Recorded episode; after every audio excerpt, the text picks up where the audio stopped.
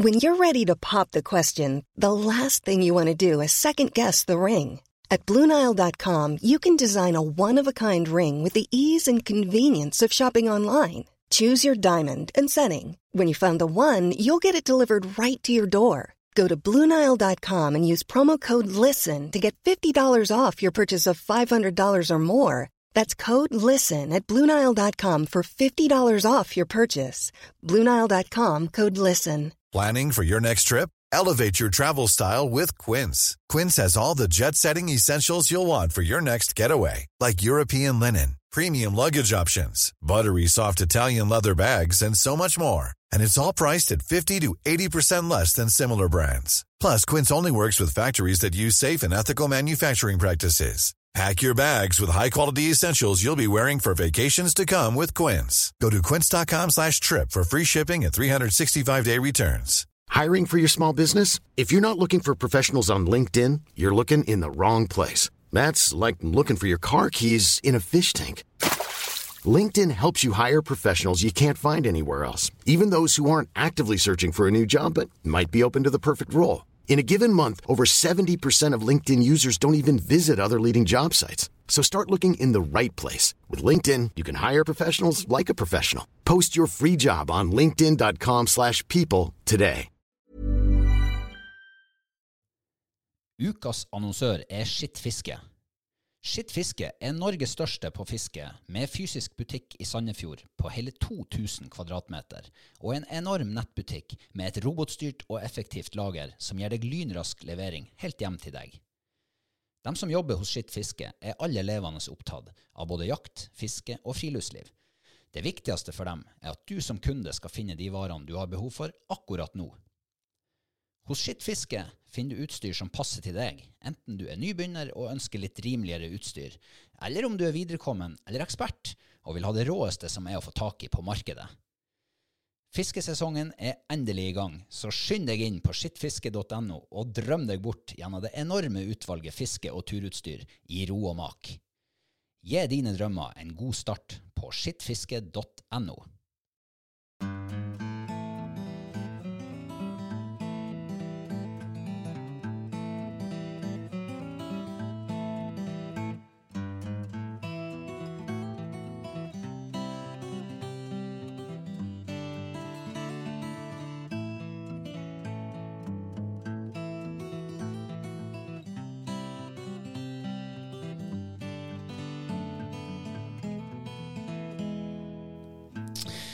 Hjertelig velkommen til en ny episode av Hall og knall-podden. Det er mandag, det er sola og og det er strålende stemning i studio. Ikke sant, Kristina? Ja, yeah, yeah, yeah. det er så deilig! Er det ikke det? Kjempedeilig. Ja, mandag det er liksom det er kickstart på uka, og ja, eh, alle Det, det, det er bare blanke ark og eh, masse fargestifter til. Ja, det er sant. Ja. Du begynner på liksom en ny epoke i året, hvis man kan si det sånn. ja. Epoke, det høres jo veldig stort ut, Ja, sånn, når, når du sier det på den måten. Ja, det, var, det skulle egentlig ikke høres så stort. For jeg, når jeg begynte med denne setninga, så tenkte jeg epokeli, og så tenkte nei, det er du ikke. Og så nådde jeg å si epoke, og så måtte det bli uka. Ja. Ja. Så det er nesten som en ny omgang i fotballkampen. ja. Eller en ny kamp. En ny kamp. Ny kamp, ja. Ja. ja. ja. Eh, er det en kamp om dagen, eller er det, er det en bølge du bare flyter på sånn Ja, det, ja, det er som en, en dårlig fotballkamp om dagen. oh, Det er ikke noe du eh, fryder deg over? Eh, jo, jo, altså, nå skal ikke jeg eh, Jeg, jeg måtte jeg, kan jeg bare skyte inn? For jeg måtte Ja. si til deg eh, i en dag vi var på havet, Mm. så sa jeg at altså, Bortsett fra at altså, det var et eller annet som skjedde, så, Ja. men det var dagens høydepunkt, bortsett fra at vi våkna den morgenen. Ja, Ja. Så det Vi våkner om morgenen. Ja Det, det er, stor, det er et høydepunkt. Ja, vi skal være glad vi våkner om morgenen. Ja, det skal vi være glad for. Ja, ja. Eh, men liksom ellers så, så kan jeg egentlig si at eh, den vår, ja, vårsommeren det har kanskje vært den traurigste Det er kanskje snakk om en i, epoke ja, i hele min epoke. i hele i mitt liv.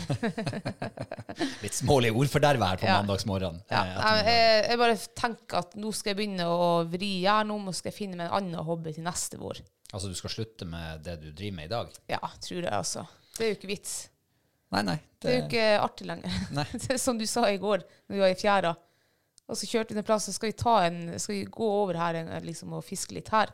Nei, sa du, det er ikke artig lenger, så da er det ikke vits. Og det er faktisk helt sant. Mm. Når det ikke er artig lenger, så slutt. Ja, gjør noe annet. Ja, gjør noe annet, ja. Ta i hvert fall en uh, usannsynlig lang pause. ja. Samle litt motivasjon og litt krefter.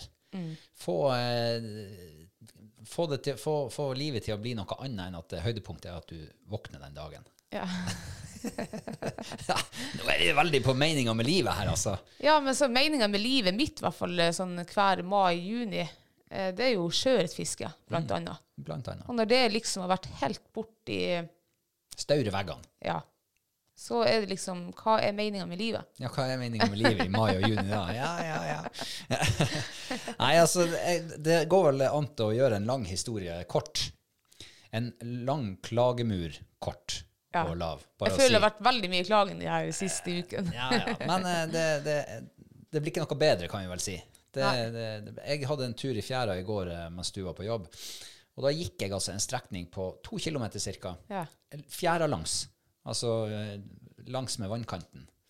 Og leita etter fisk. Det var altså så stauredødt Ja. at det er nesten ikke til å tro. Og, Ja, det var så perfekte forhold. ja, var perfekte forhold. Blankstilla, sånn lettskya, sola Mm. kjekk fram etter hvert. Havet er ikke brunt sånn lenger. Ja, alt lå til rette for en fantastisk kveld. Og vi snakket om det forrige gang. Kanskje jeg må alene.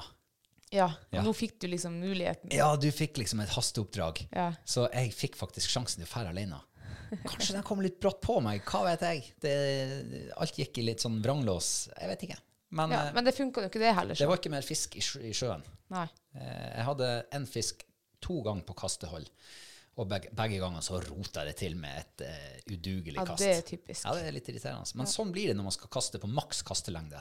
Mm. Da er feilmargin er ganske mye Altså, det, det kan fort gå galt. Ja, og du begynner, i hvert fall hvis du får bare to sjanser, som du sier, på to kilometer, Mm. så begynner jo å Alt blir hektisk. Men jeg kan jo si jeg fikk fisk på flue i går. Jo, ja, ja, ja, ja. yeah. Fikk meg en eh, Den var vel på tolv Nei, det var ikke det. Ti, 1200 gram. ti cent. 10 cent, ja. Mm. Ja, En liten seig unge. ja. ja. Jeg, slapp, jeg tok catch and release. Gjorde det, ja. Ja. Nei, altså egentlig så er det jo godt at uh, fjellvannene tiner nå litt og litt dag for dag. ja. Uh, og eh, det er egentlig det vi har tenkt vi skal prate om i dag. Ja. Jeg må bare si at Vi har jo kjøpt oss en dagbok, en sånn her uh, jakt- og fiskedagbok. Og hittil så er det jo bare liksom sad story. Så jeg håper jo at vi nå og utover liksom kan liksom blomstre den opp med noen gode historier. Ja. Ja. Men det er jo faktisk når det gjelder den fangstdagboka vår Det har vi jo snakka om i et par-tre Mm. År. år. Ja. Nå har vi knødd oss til å kjøpe den boka. Mm. Og eh, jeg syns faktisk det er litt artig å sitte og skrive. Og bare sånn for at vi skal kunne se tilbake til neste år. Hvordan var det i mai i fjor? Når vi har glemt hvor patetisk det var.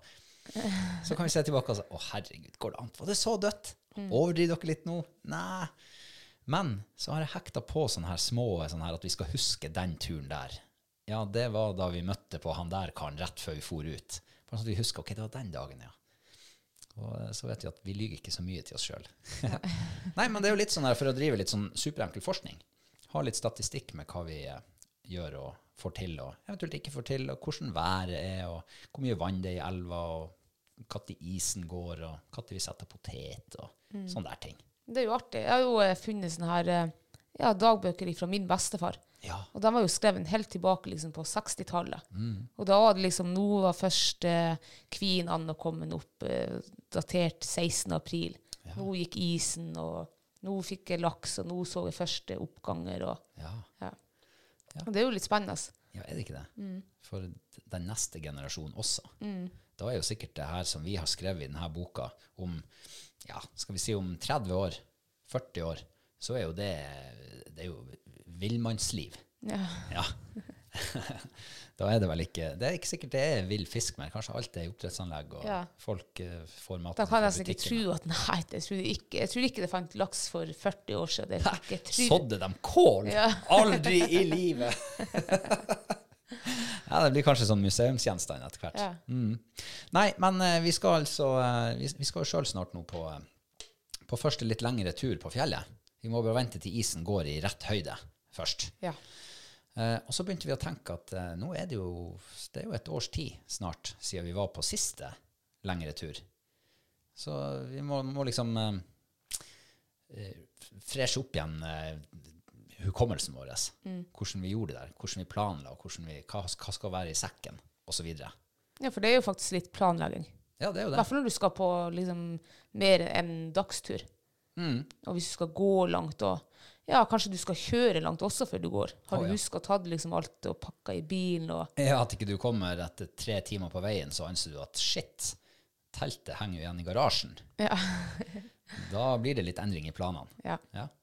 Eller at du eh, kommer fram, og så eh, anser du at eh, jeg har glemt dasspapir. Det, det, er Mm. Da? ikke, ja, det er kanskje ikke så krise. Det er jo ikke det. Du kan, jo- har du en jumper du liksom kan klippe sund, så kan du fint bruke det som både dasspapir. Sånn, Ja, bare ikke sant. skjølle det hver gang du har brukt det. Kanskje kryssordbladet du har med i sekken, kan rive sund. Og, eh, Jeg tror ikke kryssordbladet får en sånn her prioriteringsplass i min sekk, i hvert fall denne sommeren. Det kan jeg ikke tenke meg. si ikke det. Si ikke det. Du, det både veier og er liksom eh, for stort. Mm. Men eh, i og med at vi sjøl har begynt å tenke på det her, så er det jo sikkert eh, ganske mange andre også som skal ut på sin årlige langtur, eller kanskje sin første langtur. Mm. Eh, kanskje de skal gå Finnmarksvidda på tvers. Ja. Eller eh, Nordland på langs. Hva vet vel jeg. Eller kanskje ikke riktig så lange turer. Kanskje bare en helgetur eh, litt utafor allfarvei. Og eh, da kan vi jo, da tenkte vi at eh, kanskje vi kan freshe opp eh, hukommelsen til flere enn oss sjøl i samme slengen. ja. Men eh, hvor langt er det vi skal på tur i denne, eh, i denne episoden? Nå, hvis vi tar utgangspunktet til, eh, til eh, Ja, Ja. altså til vår, liksom det vi går og, og, eh, og i- etter. ja. Gleder oss til gjennom hele vinteren. hele det som ja. holder oss over vann hele vinteren. Ja, og det er faktisk eh, det er bra mange timer å gå dit. Mm. Det er bra mange timer å kjøre. Og vi er det bra mange dager. Og eh, det er ikke rom for så veldig mye feilpakking. Uten nei. at det skal gå på bekostning av et eller annet. Nei. Så det er jo egentlig et godt eksempel. Og det er ikke mobildekning. Det er vel knapt nok GPS-dekning. Hva vet vel jeg. Ja. så, eh, så man må være passe godt forberedt, iallfall. Ja. Mm. Ja, nei, men hvor, eh, hvor begynner vi på denne turen her? Så hvor begynner, hvordan begynner vi med tankespinnet? Ja, sånn som vi har brukt det, det er jo å eh, ja, vi, nå, ja, nå er jo utgangspunktet egentlig at dit skal vi. Så det er jo greit. Da vet vi hvor turen skal hen. Og, Ja, det er jo faktisk en viktig, viktig avgjørelse å ta. ja, vi, ja, hvor skal du? Det er jo ikke sikkert vi skal dit hver gang. Kanskje Nei. vi skal en plass i mellomtida. Ja. Og, og der vi skal nå, så er, der er vi kjent. Mm. Så det er også en, en, liksom en greie å, å tenke på. Er vi kjent der, eller er vi ikke kjent der? Mm. Er det nye jaktmarker, eller har du vært der en gang eller to, eller flere før? Ja. Eh, Og det er jo sånne ting som eh, Har du vært der før, så da har man jo bra peiling, stort sett, på hvordan det er å være der, hvordan terrenget Hvilken vær- rute du kan ta ditt bort. Ja, ikke minst. Ja. Mm. Og hvordan været treffer der. Det har vi også sett eh, mange ganger, at det melder sånn og sånn vær. Heldigvis. Det kan være bra lokalt ja, på f.eks. Et, ja, et, et lite område. Mm. Om du legger det i den enden av vannet eller i den enden av vannet. Mm. eller kanskje du må gå til et annet vann i nærheten ja, for å komme deg unna torden og lyn og sånn. ja, ikke sant. Eh, vi har jo opplevd mange ganger at vi ligger inne i blant gjerne litt høye fjell, og da er det plutselig sånn at været kan traktes bort fra deg. Mm. Så det uværet du ser som kommer, det går forbi. Og det er sånt du ikke vet når du ikke har vært der før. Og så er det kanskje sånn når står sola opp? Her oppe så står den jo, kan jo risikere å ha sol hele døgnet. Ja. Hva gjør du da, liksom? Eh, er det et fjell i øst? Ja vel, kanskje du kan utnytte det eh, til å legge teltet på en smart plass, så du får litt skygge om natta. Sånne ting. Men det er jo erfaringer. Men eh, vi vet hvor vi skal. Vi vet hvor vi skal, ja, så vi vet at hvis det, det melder mye regn i forkant på vår tur, så vet vi at det kanskje er noen elver å krysse. Hvor kan du krysse dem? Ja, kan man Gå, dem? ja, går det an å krysse dem? Kan, Må man gå en annen vei, liksom? Ja, finnes det alternative ruter inn Ja. som gjør at du kanskje kan unngå sånne ting? ja. Eller er det liksom, er det forsvarlig å kle av seg skoene liksom, og vade over? Ja. Ja. Nei, altså det er jo eh, Jeg er jo veldig glad i kartstudiet. Så jeg bruker jo ofte mye tid på kart, og særlig når det er områder som ikke jeg er så kjent i.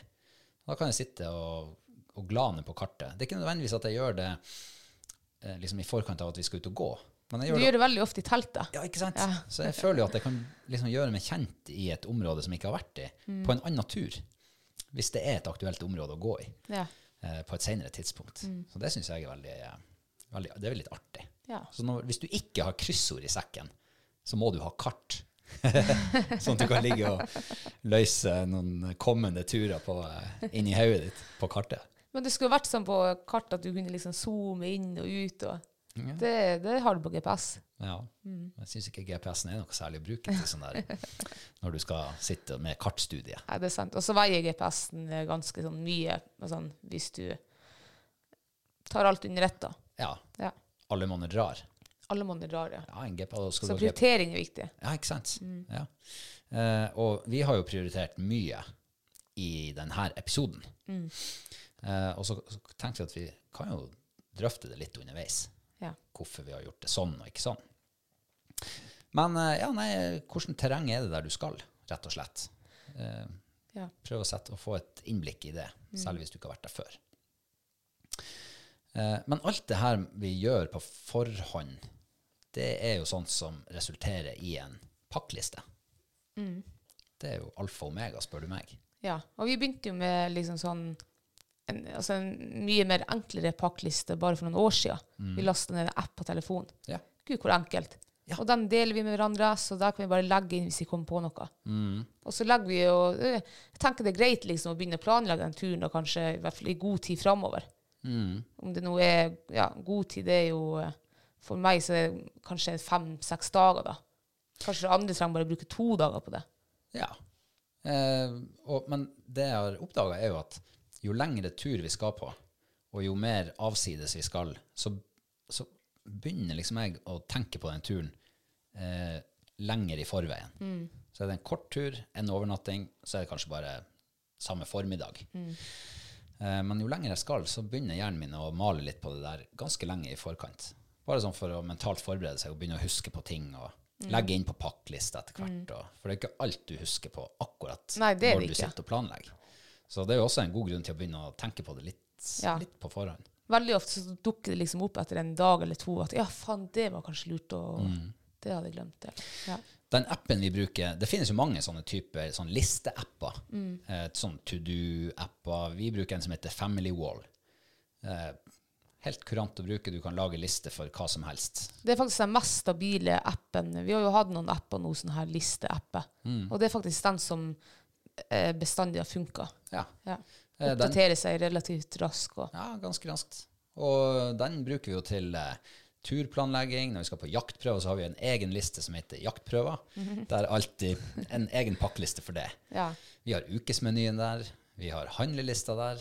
Vi har eh, to do-lista på huset og ja. ja. Til og med julekjøpet, altså gavehandlinga. Ja. Der har vi også en liste. Funker til det meste. Ja. Så, men eh, der kan man bare prøve seg fram og finne sin egen favoritt. Men det er i hvert fall veldig smart. Og det som er så fint, er at når vi har kryssa ut ting på den pakklista, så blir de ikke borte. Da kan du gå og bare huke dem tilbake igjen neste gang du skal på tur. Så eh, ja, man trenger ikke å finne opp kruttet på nytt. Når du, når du har pakka riktig én gang og fått lista i synk med det Da du har med deg, da ligger den der. Ja. Gull, altså. Og det er genialt. Sånn var det ikke på de andre listene vi har hatt. Nei. Der ble den sletta. Eh, og så er det jo eh, de tre V-ene. Ja, Ja, for du har hørt om de tre P-ene som Ja. man hadde med deg når du skal ut og reise. det har du hørt om. Ja, hva er det? Peng, pass og pillett. Ja, har du det med, så berges du. Ja. Og når du skal begynne å pakke til tur, så må du tenke på de tre V-ene. ja. Så nå er jeg spent. Vekt, Ja. volum og verdi. Verdi, Ja. Ja, den var ikke dum. Nei, Nei. Den har du funnet på helt sjøl. Ja. Gratulerer. Takk skal du ha.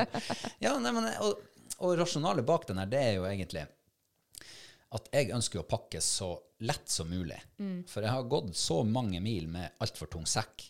Og når du kommer fram da, så er du ganske mør. Så jeg pakker så lett som mulig, men så tungt som nødvendig. Og så er avveininga vekt versus volum og verdi er skal jeg, skal jeg ta bort vekt? Da går verdien på Altså ikke verdi sånn i kroner og øre, Men velger jeg f.eks. en tjukkere longs kontra en tynn longs, så vet jeg at da har jeg litt mer verdi hvis det blir kaldt. Vil jeg ta den ekstra vekta, kanskje snakk om 300 gram? Nja, sannsynligvis ikke. Da tenker jeg at da kan jeg heller gå og krype i soveposen, f.eks. Hvis Ja, det blir så kaldt. Ja. Så sånne vurderinger eh, tenker jeg på rundt, eh, rundt de tre V-ene. Volum, vekt og verdi. Ja, men jeg, jeg tenker at det er um, Altså, før jeg møtte deg, så tenkte jo ikke jeg i det hele tatt Jeg bare heiv oppi sekken det jeg fikk plass til. Og sekken ble jo ofte jævlig tung. Altså, det var sånn at du Det var jo ikke artig å liksom eh, var ikke artig å gå Og til neste tur. Så tenkte vi at uff, eh, vi gruer oss liksom bare. Hvis, var, hvis vi har planlagt en tur om en uke, så gikk jeg hele den uka og grudde meg. Nei, stakkar. ja, altså, nei, ikke riktig sånn, da, men, men nå liksom Etter å ha møtt deg, så ser du at uh, sekken min har jo blitt uh, dobbelt så lettere. Altså halvparten så tung. Ja, dobbelt så lettere. Det er ingenting som heter det. Jo, det heter det. Dobbelt så lettere. Dobbelt så lettere, ja. Dobbelt så lettere enn hva? Enn den forrige sekken min. Ja, men dobbelt så lettere enn den Ja. forrige sekken. Da er det jo ingenting. Jo, den var dobbelt så lettere. Den var halvparten så tung. Nei, jeg har sagt dobbelt så lett i hele mitt liv.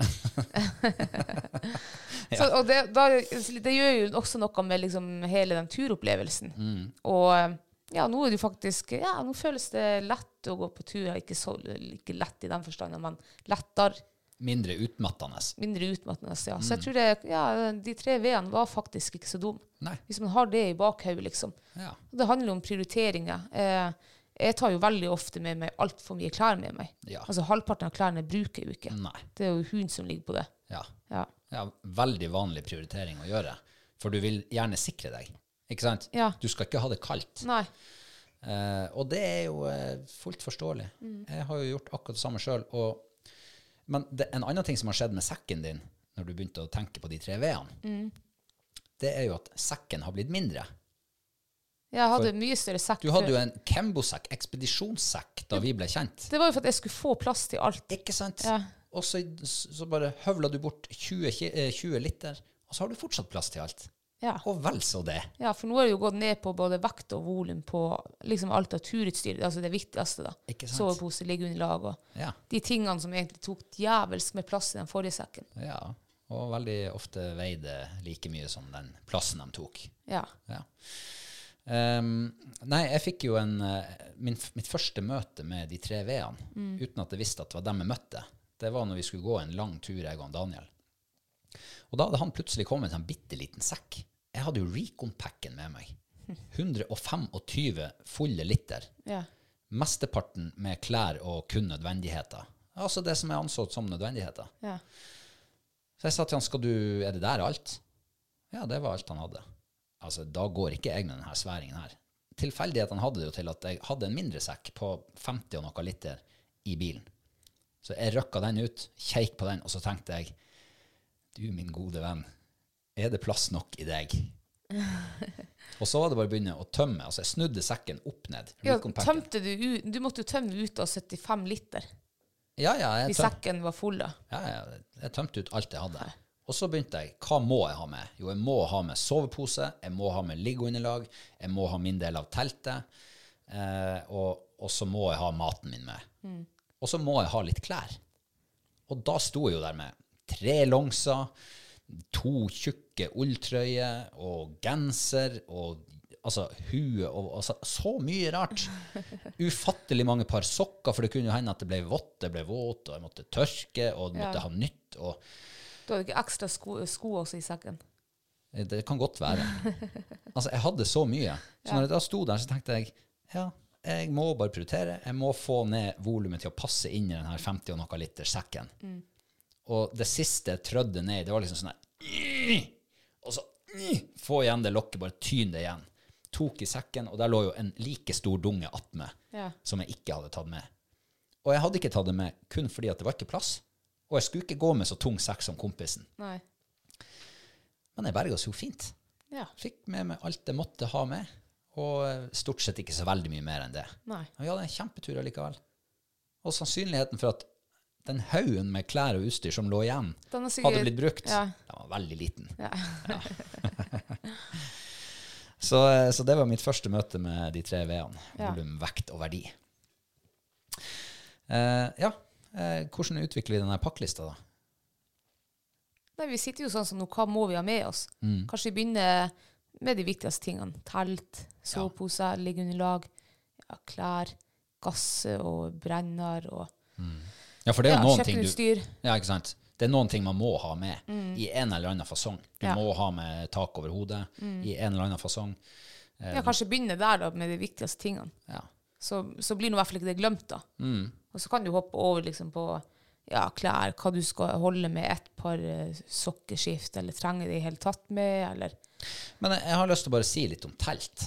Fordi at vi har jo garasjen halvfull av telt Ja. i forskjellige størrelser og varianter. Og vi har jo to telt som vi liksom bruker på sommerstid. Eh, og det er jo av denne her eh, ultralett-typen. Eh, det ene veier vel uh, akkurat to kilo, og det andre det er tremannstelt. Og så har vi et firemannstelt som veier eh, 400 gram ekstra. Ja. Og pakker litt mer. Eh, og vi ender jo som oftest med å gå med det største på sommeren, selv om vi går litt langt. Jeg kan huske én gang at vi har valgt det tremannsteltet. Da var Ja. vi nok litt usikre på hvor lang turen egentlig var. Um, men eh, vinterteltene er jo utelukka. Det er altfor tungt, altfor stort. Ja, ja, ja. Sånn, så, så, så, men man kunne jo i prinsippet ha bergas på visse turer bare med tarpen over hodet, f.eks. Ja, tenker ikke når du skal gå så langt. Tenker, Du har jo beskyttelse. Du vet jo aldri om, om Hvis du planlegger å være borte en uke, f.eks., og så sjekker du langtidsvarselet på været. Og jeg, jeg stoler aldri mer på det værmeldinga der. For i morgen så trenger det ikke å bli eh, sol som det meldte. Da blir det regn. Og. Så været kan jo snu eh, ufattelig fort opp på fjellet. Ja, det kan Hvis du ligger der med en tarp da, og liksom du ikke altså Det tenker jeg det viktigste for meg, det at det skal være i ly for, eh, ja, for vind og vær og mygger, kanskje. Å, kanskje ja, det er djevelsk med mygg. Ja, Ja, eh, da hjelper ikke tarpen. Nei. Det er helt sant. Jeg har ligget og jeg har overnatta i Jervenduken en gang. Ja. Det var ikke myggtett. Det kan jeg love deg. det var ikke særlig behagelig heller. Nei. Så ta nå ikke For jeg tenkte jo jeg, kan fortelle vår andre tur vi hadde i lag. Vi var ikke blitt kjærester. Vi skulle gå en Vi var på flørten. Vi var på flørten, da, så vi var på en sånn tre, tre timers tur innover fjellet. Kom fram. Da hadde jo jeg bare tatt med meg Jervenduken. Det her var eh, seint i august. Og det var jo fint vær. Det var jo varmt på dagen. Eh, skulle vi gå og legge oss, da? Jeg vet ikke, Gradestokken krøp sikkert ned til pluss fem eller noe. Og jeg holdt på å fryse meg i hjel i den tynne jervenduken. Men jeg tenkte at det, ja, det var holdt sikkert. Valgte bort soveposen min for det veier mer. Og, og Ja. ja. ja. Det er det dummeste jeg gjorde. Ja, men du tok jo egentlig Gramjegeriet ett steg for langt der på den turen. Eh, men det er også en erfaring å gjøre seg. Ja, så verdien i de tre V-ene de helt nedprioritert. Ja. Jeg teller tenkte ikke på det. Nei. Nei. Du hadde ikke hørt om de tre V-ene? Nei. jeg skulle jo kanskje hørt om det da. Ja, ja. Ja. Uh, ja. Nei, men da er det jo utelukka å ikke gå uten, altså, å gå uten telt. Nei. Og sovepose ligger under. Ikke hvis vi skal på langtur. Skal du på en overnatting, liksom en liten trøtur fra bilen, og har lyst til å ligge liksom under åpen himmel, Mm. ja, da kan du ta tarpen hvis det regner. Og så har vi jo sovepose for alle årstidene. Ja.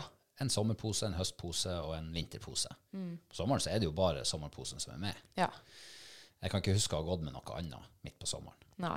Og det, jo, det blir jo sjelden så kaldt at du fryser i hjel. Du kan ikke. kle på deg litt klær eller de få Ja. plaggene du har med deg. Så, så det er liksom bare så lett som mulig, egentlig. Liggeunderlag. Da bruker vi ofte å ha med to. Ett oppblåsbart som er inne i teltet, Mm. og ett sånn der ikke oppblåsbart, sånn skum, som man kan ha rundt bål og ligge og trille på. Mm. For det er litt uhøvelig hvis du får hold i det der eh, oppblåsbare Ja. på fjellet. Det har jeg, jeg har ligget på det en halv sommer, sånn at det sviker luft ut av det. Ja. Våkner hver morgen med å knekke ryggen opp av eh, soveposen. Ja, det er ikke noe særlig. Og så har du også en annen fordel i å ta med sånn her tynn eh, skumgummimadrass. Hvis du har hunder.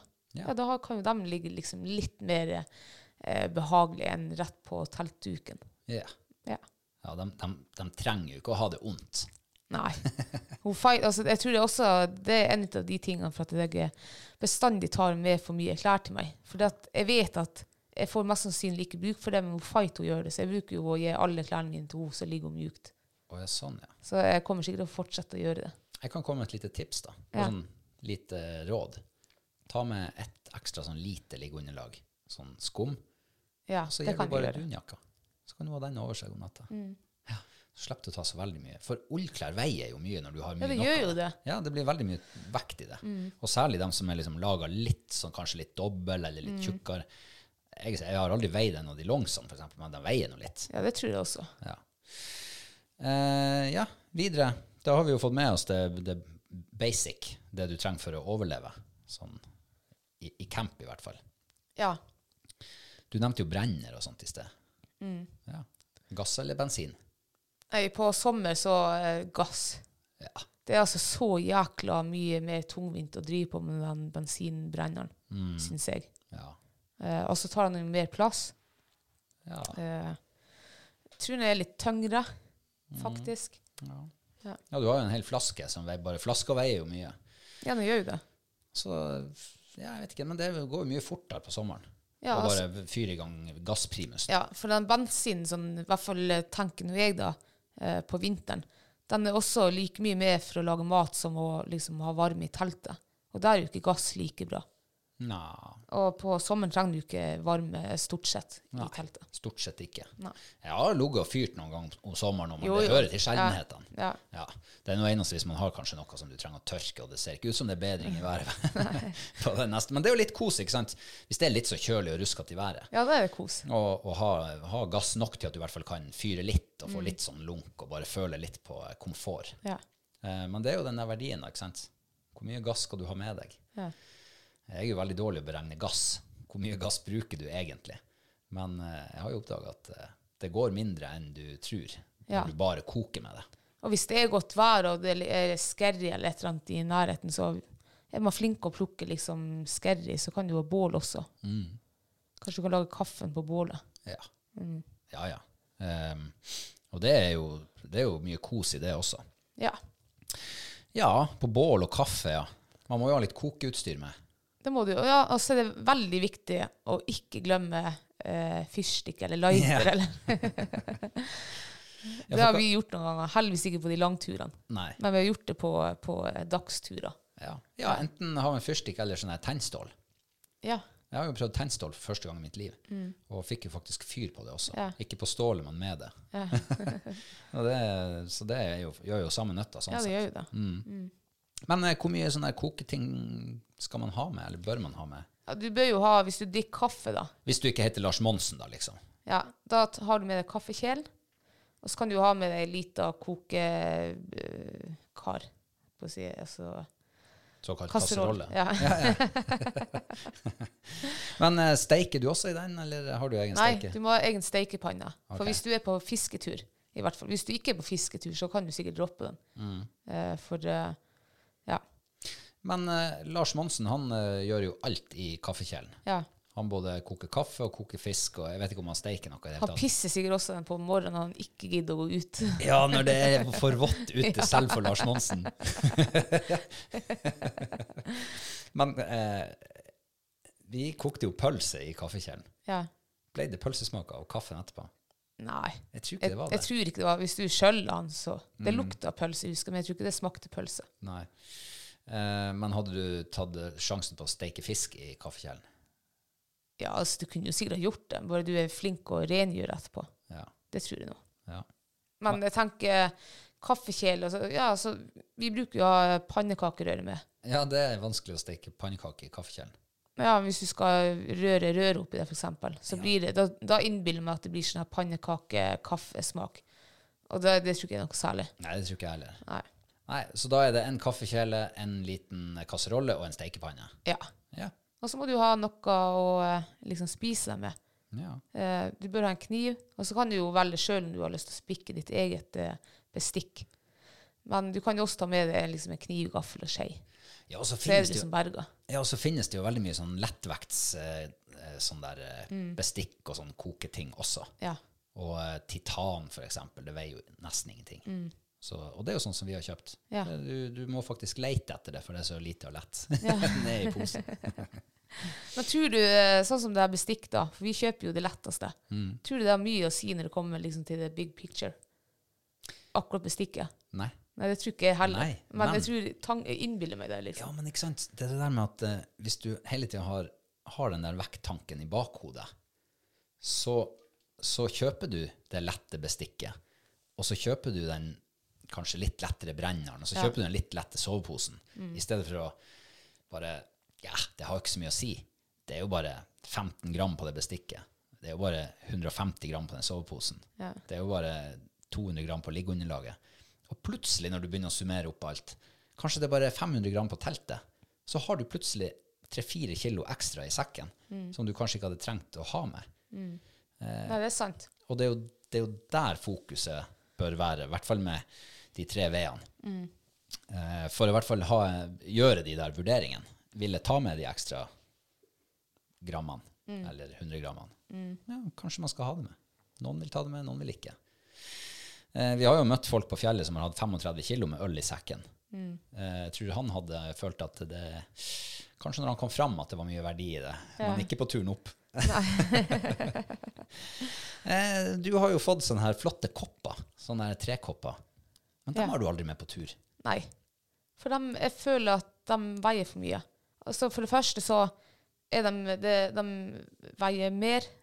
Eh, det er lite volum i selveste liksom, der du skal innholde. Men allikevel så er den stor, for du, du kan liksom ikke pakke den sammen som du gjør med snyltekopp. Nei. Så volumet er stort, men samtidig så lite verdi i koppen. da. Um, så derfor har ikke jeg tre kopper med meg på tur, på sånn her eh, oppi sekken.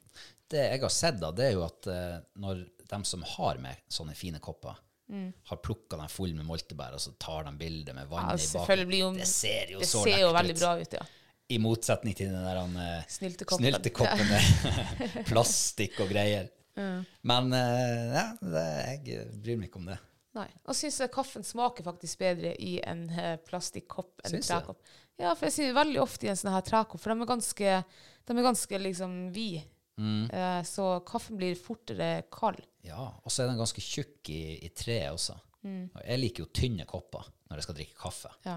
Så, um, så eh, ja, nei, jeg syns faktisk snyltekoppen eh, gjør sin misjon. Det veldig gjør jeg også. Mm. Og så er det lett å Hvis du har tatt en plastflaske med vin med deg, Mm. så er det relativt lett å vaske bort vinsmaken. Ja, eller ha to snyltekopper med seg. Ha to snyltekopper. En til kaffe, en til vin. Ja. Ja. um, eh, kniv, ja, det er jo også litt sånn der En En finnkniv, for eksempel. De veier jo litt mye. Masse. Ja. Eh, det er jo ordentlig stål i dem. Ja. Og skikkelig skaft og, og tung, tjukk slire. Mm. Så det har vi liksom kutta ut. Ja, Vi har vært ute på markedet og fått tak i det billigste. Og Nei, altså letteste. Ja, ja og billigst også. billigste også, ja. Rapala, for eksempel, de har jo bitte små kniver. Eller de er ikke så små, men de er superlette. Jeg vet ikke hva de Og de koster 40-50 kroner. Mm. ja. Ja, de Og det er- er mer enn bra nok å sløye fisken, eller ja. ja, på fjellet funker det til alt. Mm. De er ikke så gode å hogge ved med, men det er nå en annen sak. Ja, ja, men det er ikke så mye ved på fjellet heller. Ja, det er ikke det. det, er ikke det. Eh, det er jo en ting som alltid går igjen på pakklista vår, Mm. og det er poser. Ja, Ja? Både brødposer og plastposer generelt. ja. For det, det er litt uhøvelig å pakke f.eks. søppel rett i sekken i topplokket Ja. Mm. fordi at du ikke har pose med deg.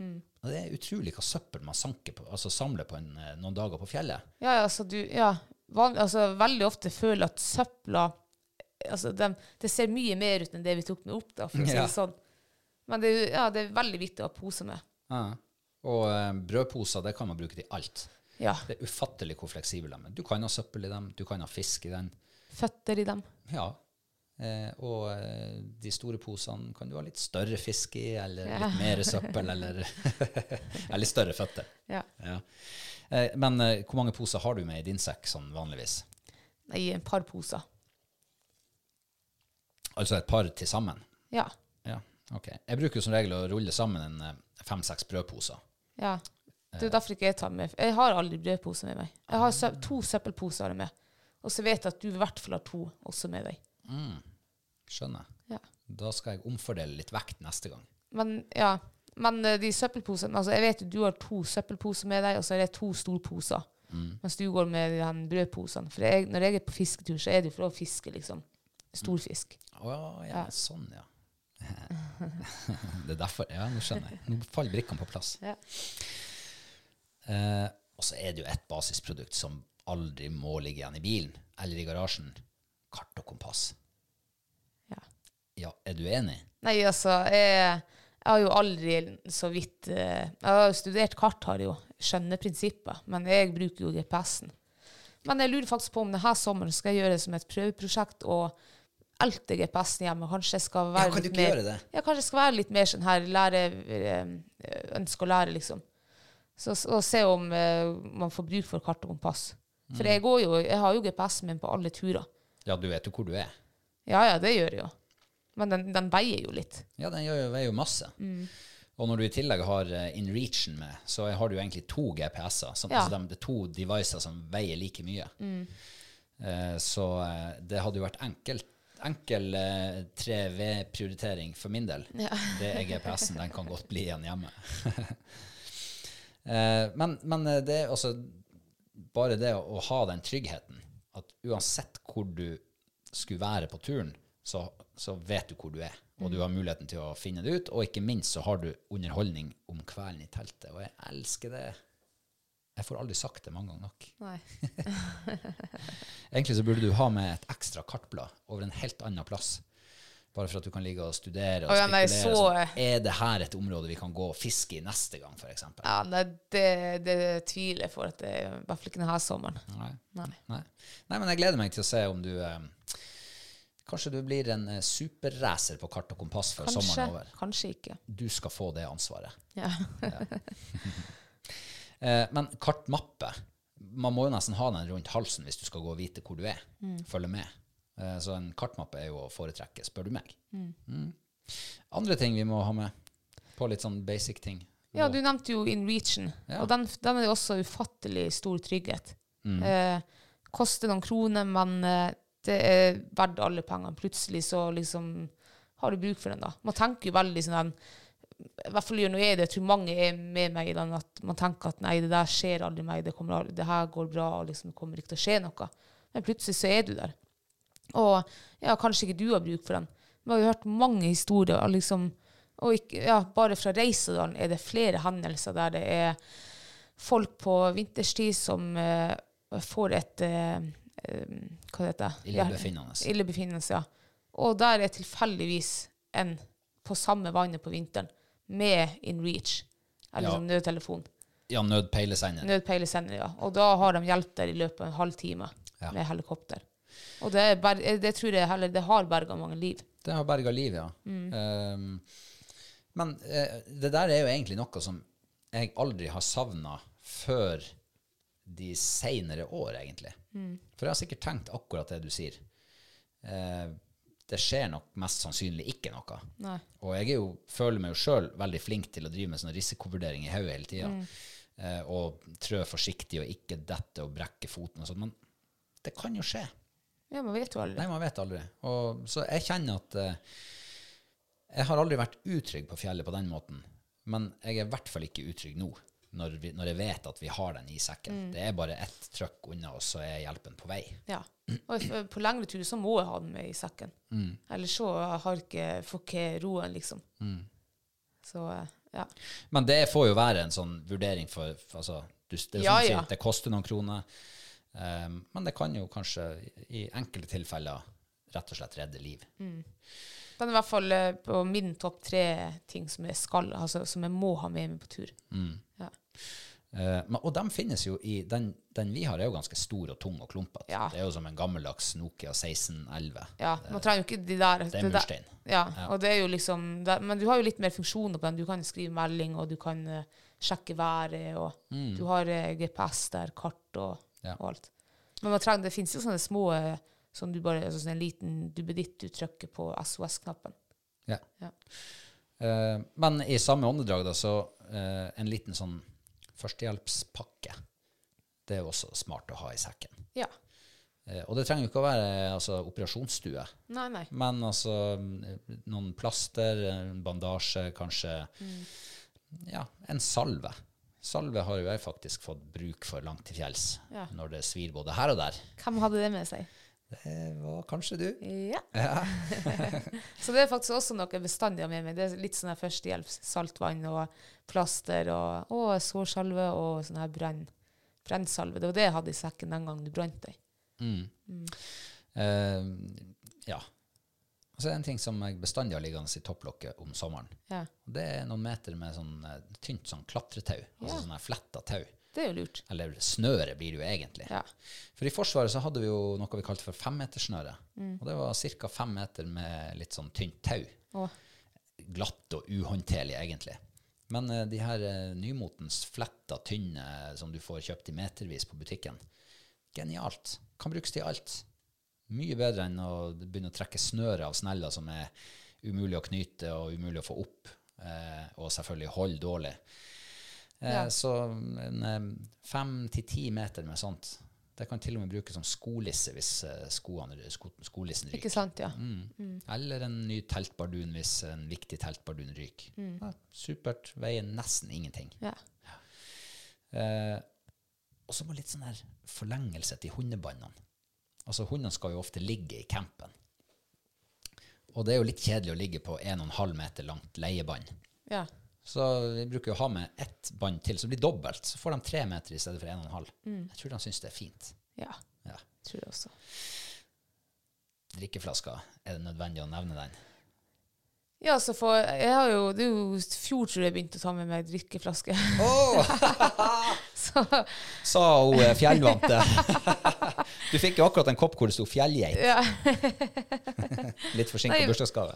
Men vet du hva, jeg, eh, jeg, jeg hadde kopp med sand i sekken før. Og jeg er veldig dårlig å drikke når jeg går lengre tur eller lange jaktdager. Ja. Veldig dårlig å drikke. Mm. Så det er egentlig, det er ikke sikkert det var i fjor, men det er de siste ja, par, maks tre årene at jeg har begynt å ta med meg drikkeflaske. Ja, for jeg husker jeg jobba litt med det. Du var litt sånn motvillig. Nei, jeg trenger ikke den drikkeflaska med. Nei. Nei. Men nå er den med bestandig. Nå er den med bestandig, jeg skjønner ikke hva jeg har tenkt på. Det er jo så, så mye mer enklere. Altså, så, nå er jo nesten, jeg, nå er jo nesten livredd for Nå må jeg vite når kommer neste bekk og sånn her.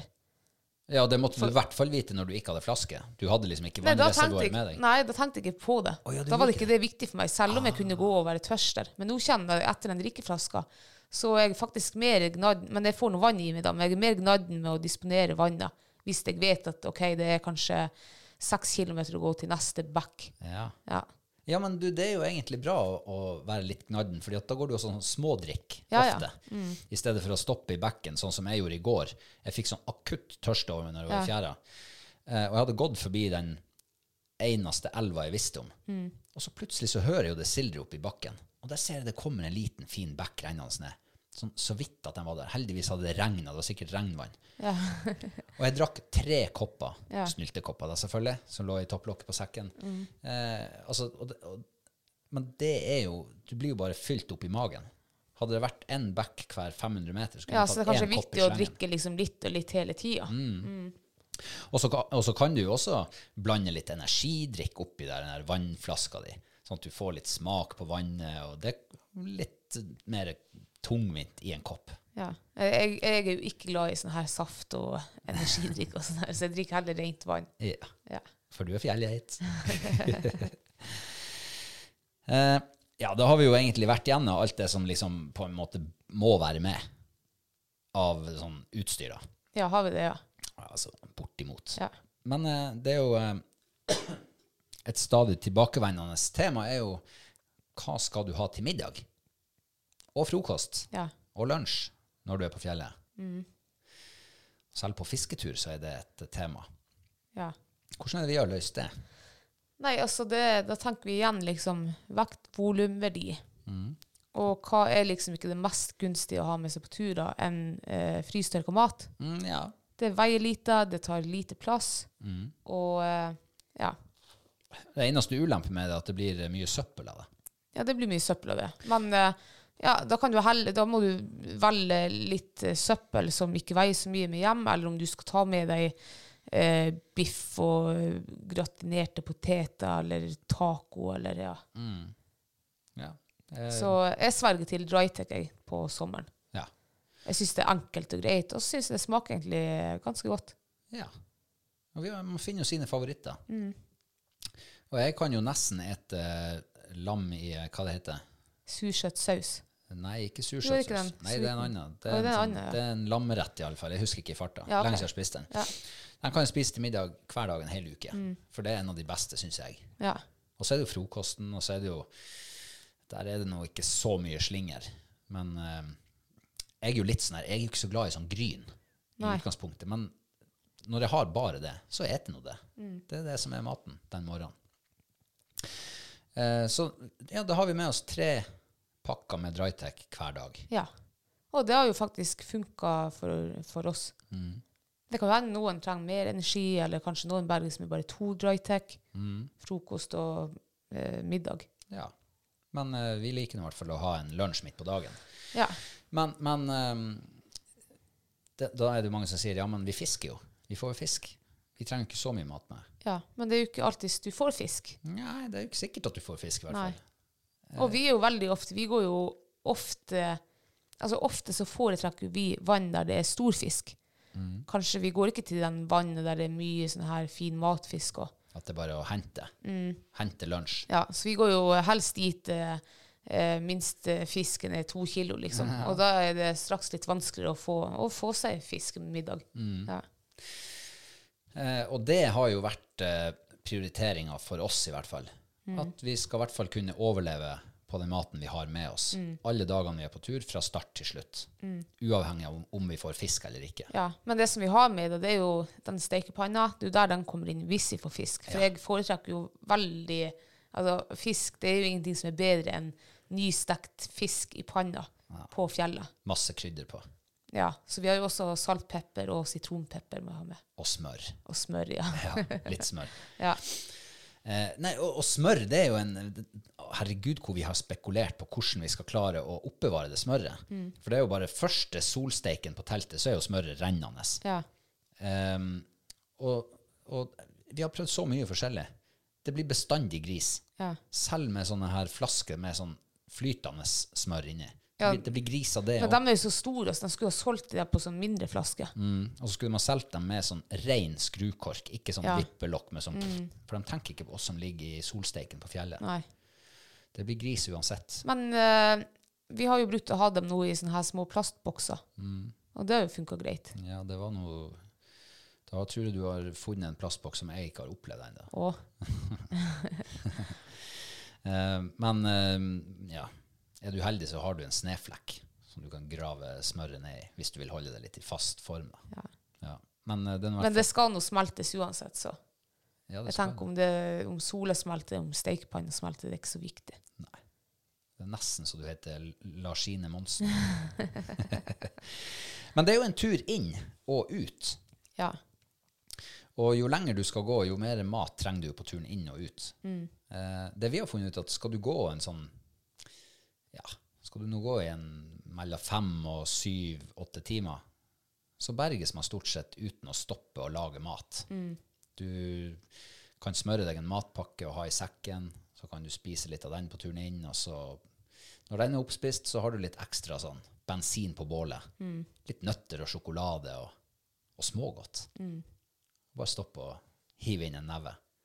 Og så de her eh, som du er så glad i, de der eh, Energibarene. Ja. De er jo også geniale. Jeg syns de er geniale. Det er ofte det liksom jeg tar. En liksom nøtter og sjokolade og, og smågodt på turen. Men jeg syns smågodt også har en stor verdi på de her turene her. Og det er oftest da jeg knasker med smågodt. Det er når vi trør.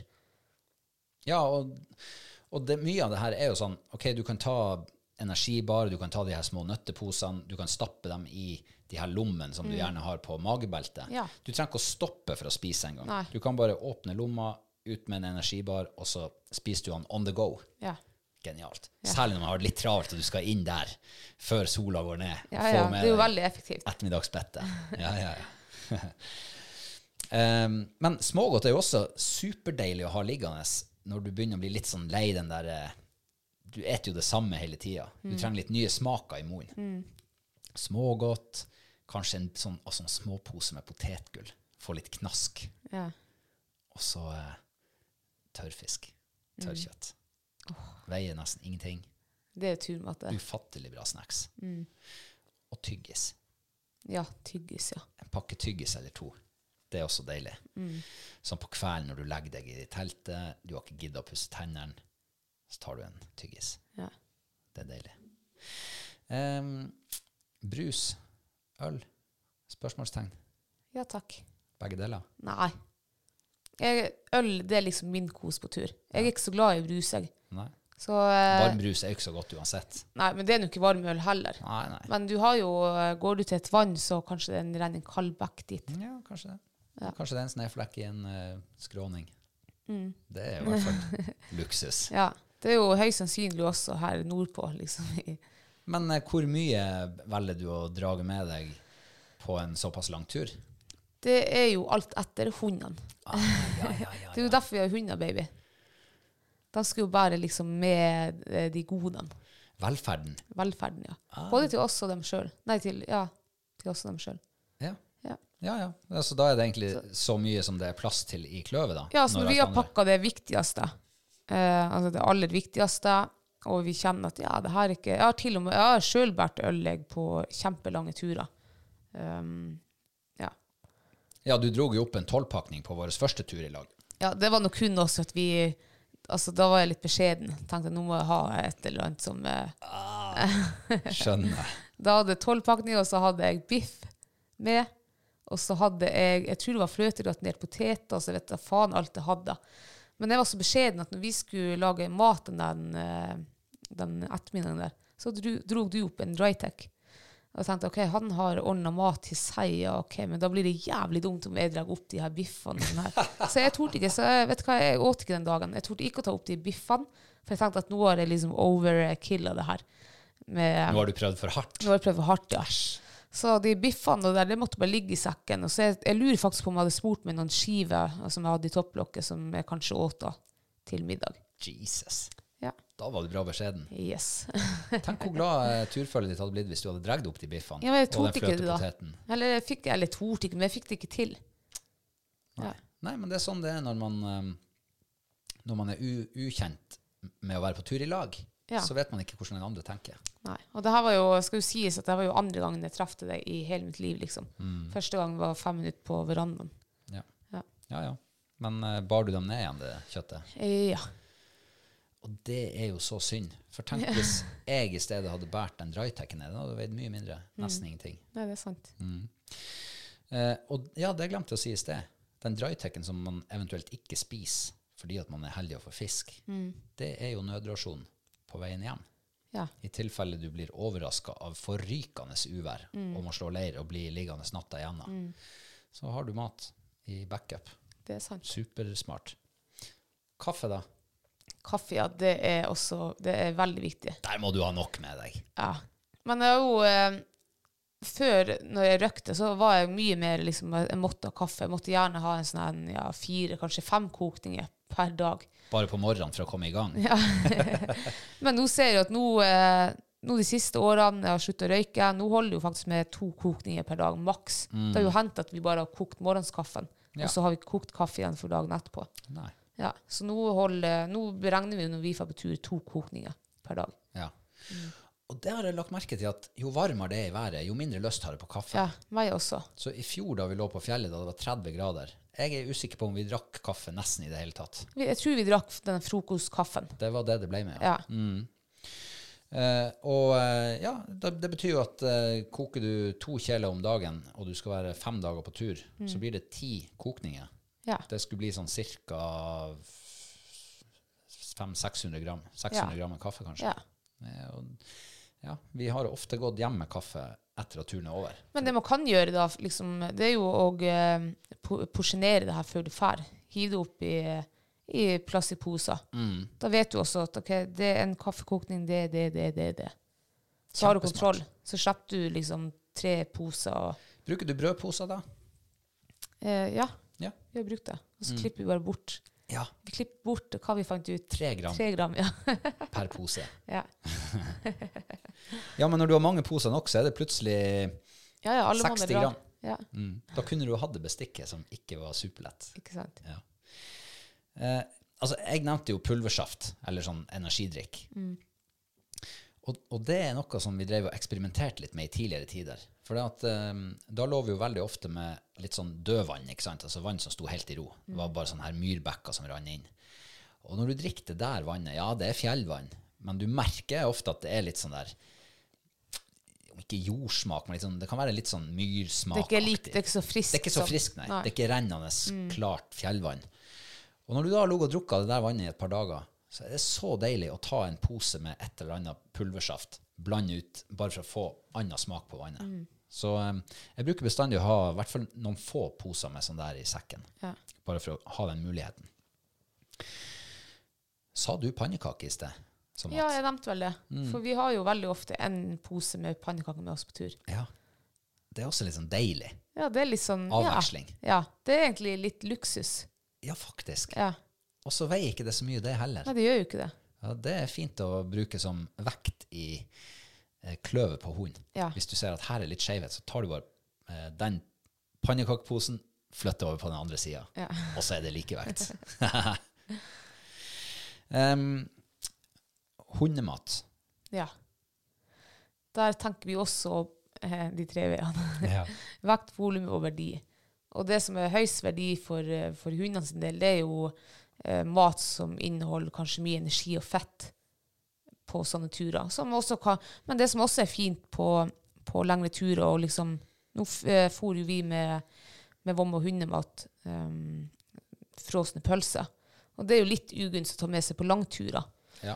Og, så vi går over til frystørka vom når vi drar på de langturene. Og det tror jeg også hundene setter veldig pris på, for de, de får jo masse væske i det, for de skal jo ligge og, og trekkes i vann. Ja. Og så er det liksom en litt annen smak, så jeg tror det også er sånn turkos for hundene. ja, kanskje det er litt sånn snacks for dem. Jeg tror det er litt snacks for dem, ja. Sånn, de, jeg tror de føler at oi, nå er, Ja. nå er det noe nytt og spennende. Så. De tar vare på oss på tur. Ja. Ja. Og det, jo, det veier jo mye, mye mindre, og du får mye mer ut av, av liksom, ja, hva vi beregner 110 gram per hund når vi ligger, Når vi. Når vi ligger i ro, ja. Og det holder nok. Vi har vært oppe på, på fjellet i syv-åtte dager med det her, og de har ikke lagt av seg et gram. Nei. Nei. Og eh, skulle du båret eh, altså nå er, nå er det jo veldig veldig mange som bruker altså vanlig tørrfôr til hundene. Det veier jo ikke så mye, det heller. Eh, men, men uansett, da, om, om det er tørrfôr eller frysetørka, frysetørka, skal du sammenligne det med det vi fôrer med hjemme, så er det jo altså en femtedel i vekt Ja, per hund. det er faktisk det, ja. Og det blir mye vekt på en lengre tur, ja. som hundene kan bære noe annet, som vi syns er godt. Nå, hvis du ser da, hvis vi er åtte dager på tur, da, en uke da, da er det faktisk et kilo med hundemat per hund. Ja, med den frysetørka, ja. Med frysetørka, ja. Ja, ja. Så det er både, ja, jeg tror det er mer gunstig for hund og mindre vekt og alt. Ja, og det pakker vi også i porsjonsposer. Ja. Ferdig pakka, bare å knyte opp knuten. Eh, overskuddsposen er klippet bort. Tre Mm. gram per dag per hund. Og så synes jeg også det er viktig at hunden også skal liksom få, få litt sånn her luksus. Sånn, vi tar jo med oss eh, pannekake og ja, kaffe og kanskje Mm. noen øl. Så jeg synes også det er trivelig liksom kunne ta med tørrfisk eller grisør eller et eller annet sånt til hundene. Ja. Noe de kan ligge og knaske på. Ja. Det synes jeg er stas. Det syns de òg er stas. Mm. Og så eh, har vi jo eh, falt Vår elsk har falt på de her tøy-hundematskålen Ja. på tur. De har ikke så lang levetid, men de lever nå stort sett én tur, i hvert fall i, i slengen. men, men det er jo også så superenkelt å pakke. Bare klappe dem sammen og trø dem i sekken. Eller Ja, ja, klø- de kan du sikkert stikke i bukselomma di hvis ja, du kan jo det. Ja.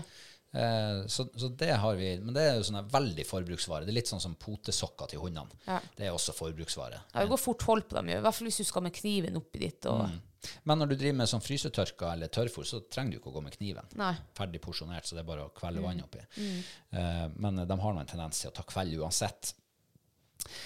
Ja, det var vel maten, tror jeg, sånn i eh, Kan ikke si korte trekk, men i hvert fall noen sånne refleksjoner rundt mat, eh, og hvordan man kan tenke. I hvert fall hvordan vi tenker det. Eh, da er det jo det alltid tilbakevendende temaet klær, som vi var innom her i sted. Ja. Eh, for det blir jo mye vekt av det. ja. Og det blir faktisk ganske mye volum av det òg, hvis, man, eh, hvis man ikke følger litt med i timen. Hva er det du må ha med deg på en sånn her sommertur? Som, som jeg må ha med. Eller hvordan pakker jeg. Ja, hvordan pakker du? Ja, jeg pakker jo gjerne med meg en ekstra turbukse.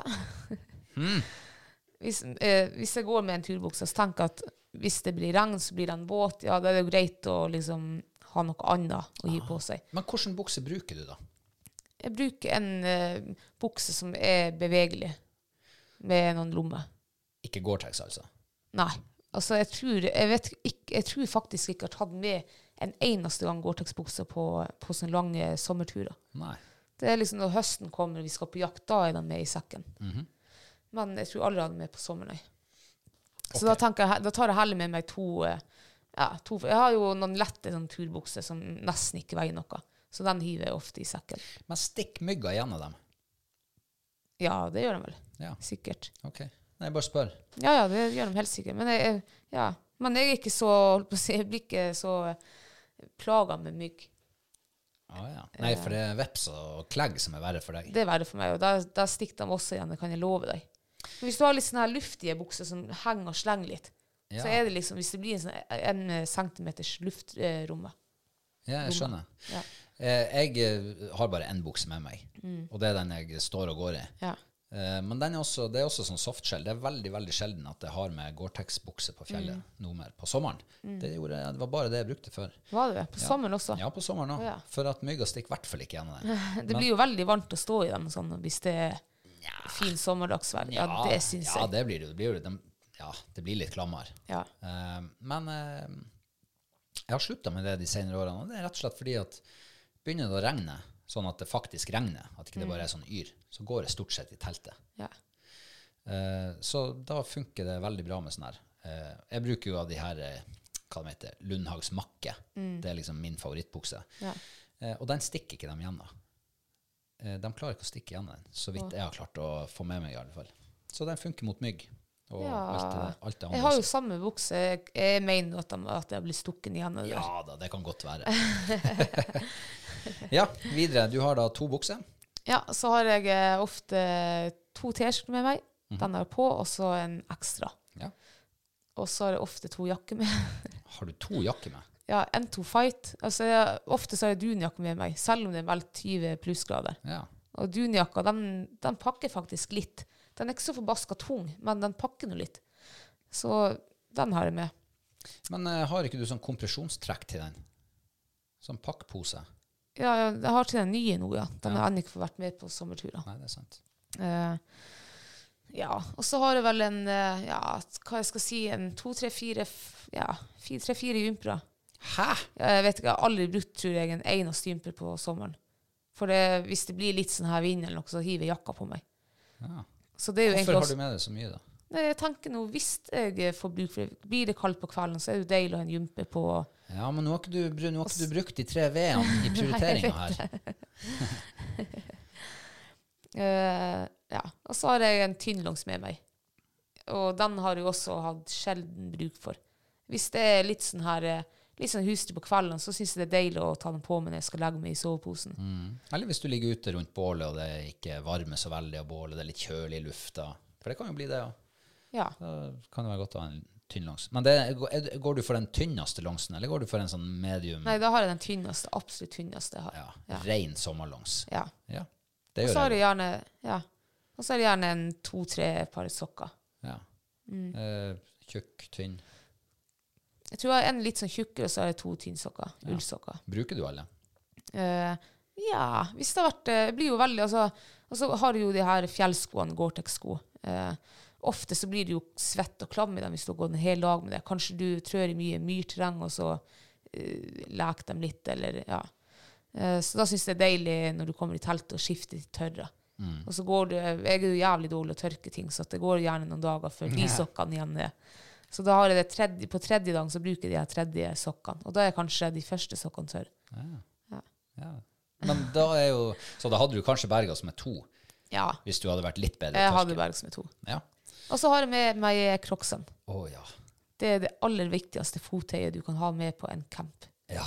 Det er så Når, når du ligger i campen. Når du ja. ligger i campen, ja, og hvis det er varmt. I fjor når vi var på den lengste turen, jeg, var, jeg fiska med dem. Jeg gikk langsmed langs med vannet med de der, for det var så varmt i været.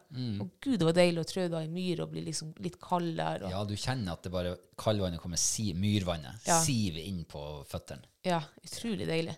Så det er faktisk de beste fjellskoene jeg har. De er ikke gode å, sånn, å gå langt med, men de er jævlig gode å ha i campen. Og så veier de egentlig ikke så mye. De tar jo de tar for så vidt ikke plass heller, for det er det siste pakket i sekken, så de legger gjerne der det får stroppen på sekken. Ja. Um, hua. Caps. Ja, hua og caps. Mm. Tjukk eller tynn hue?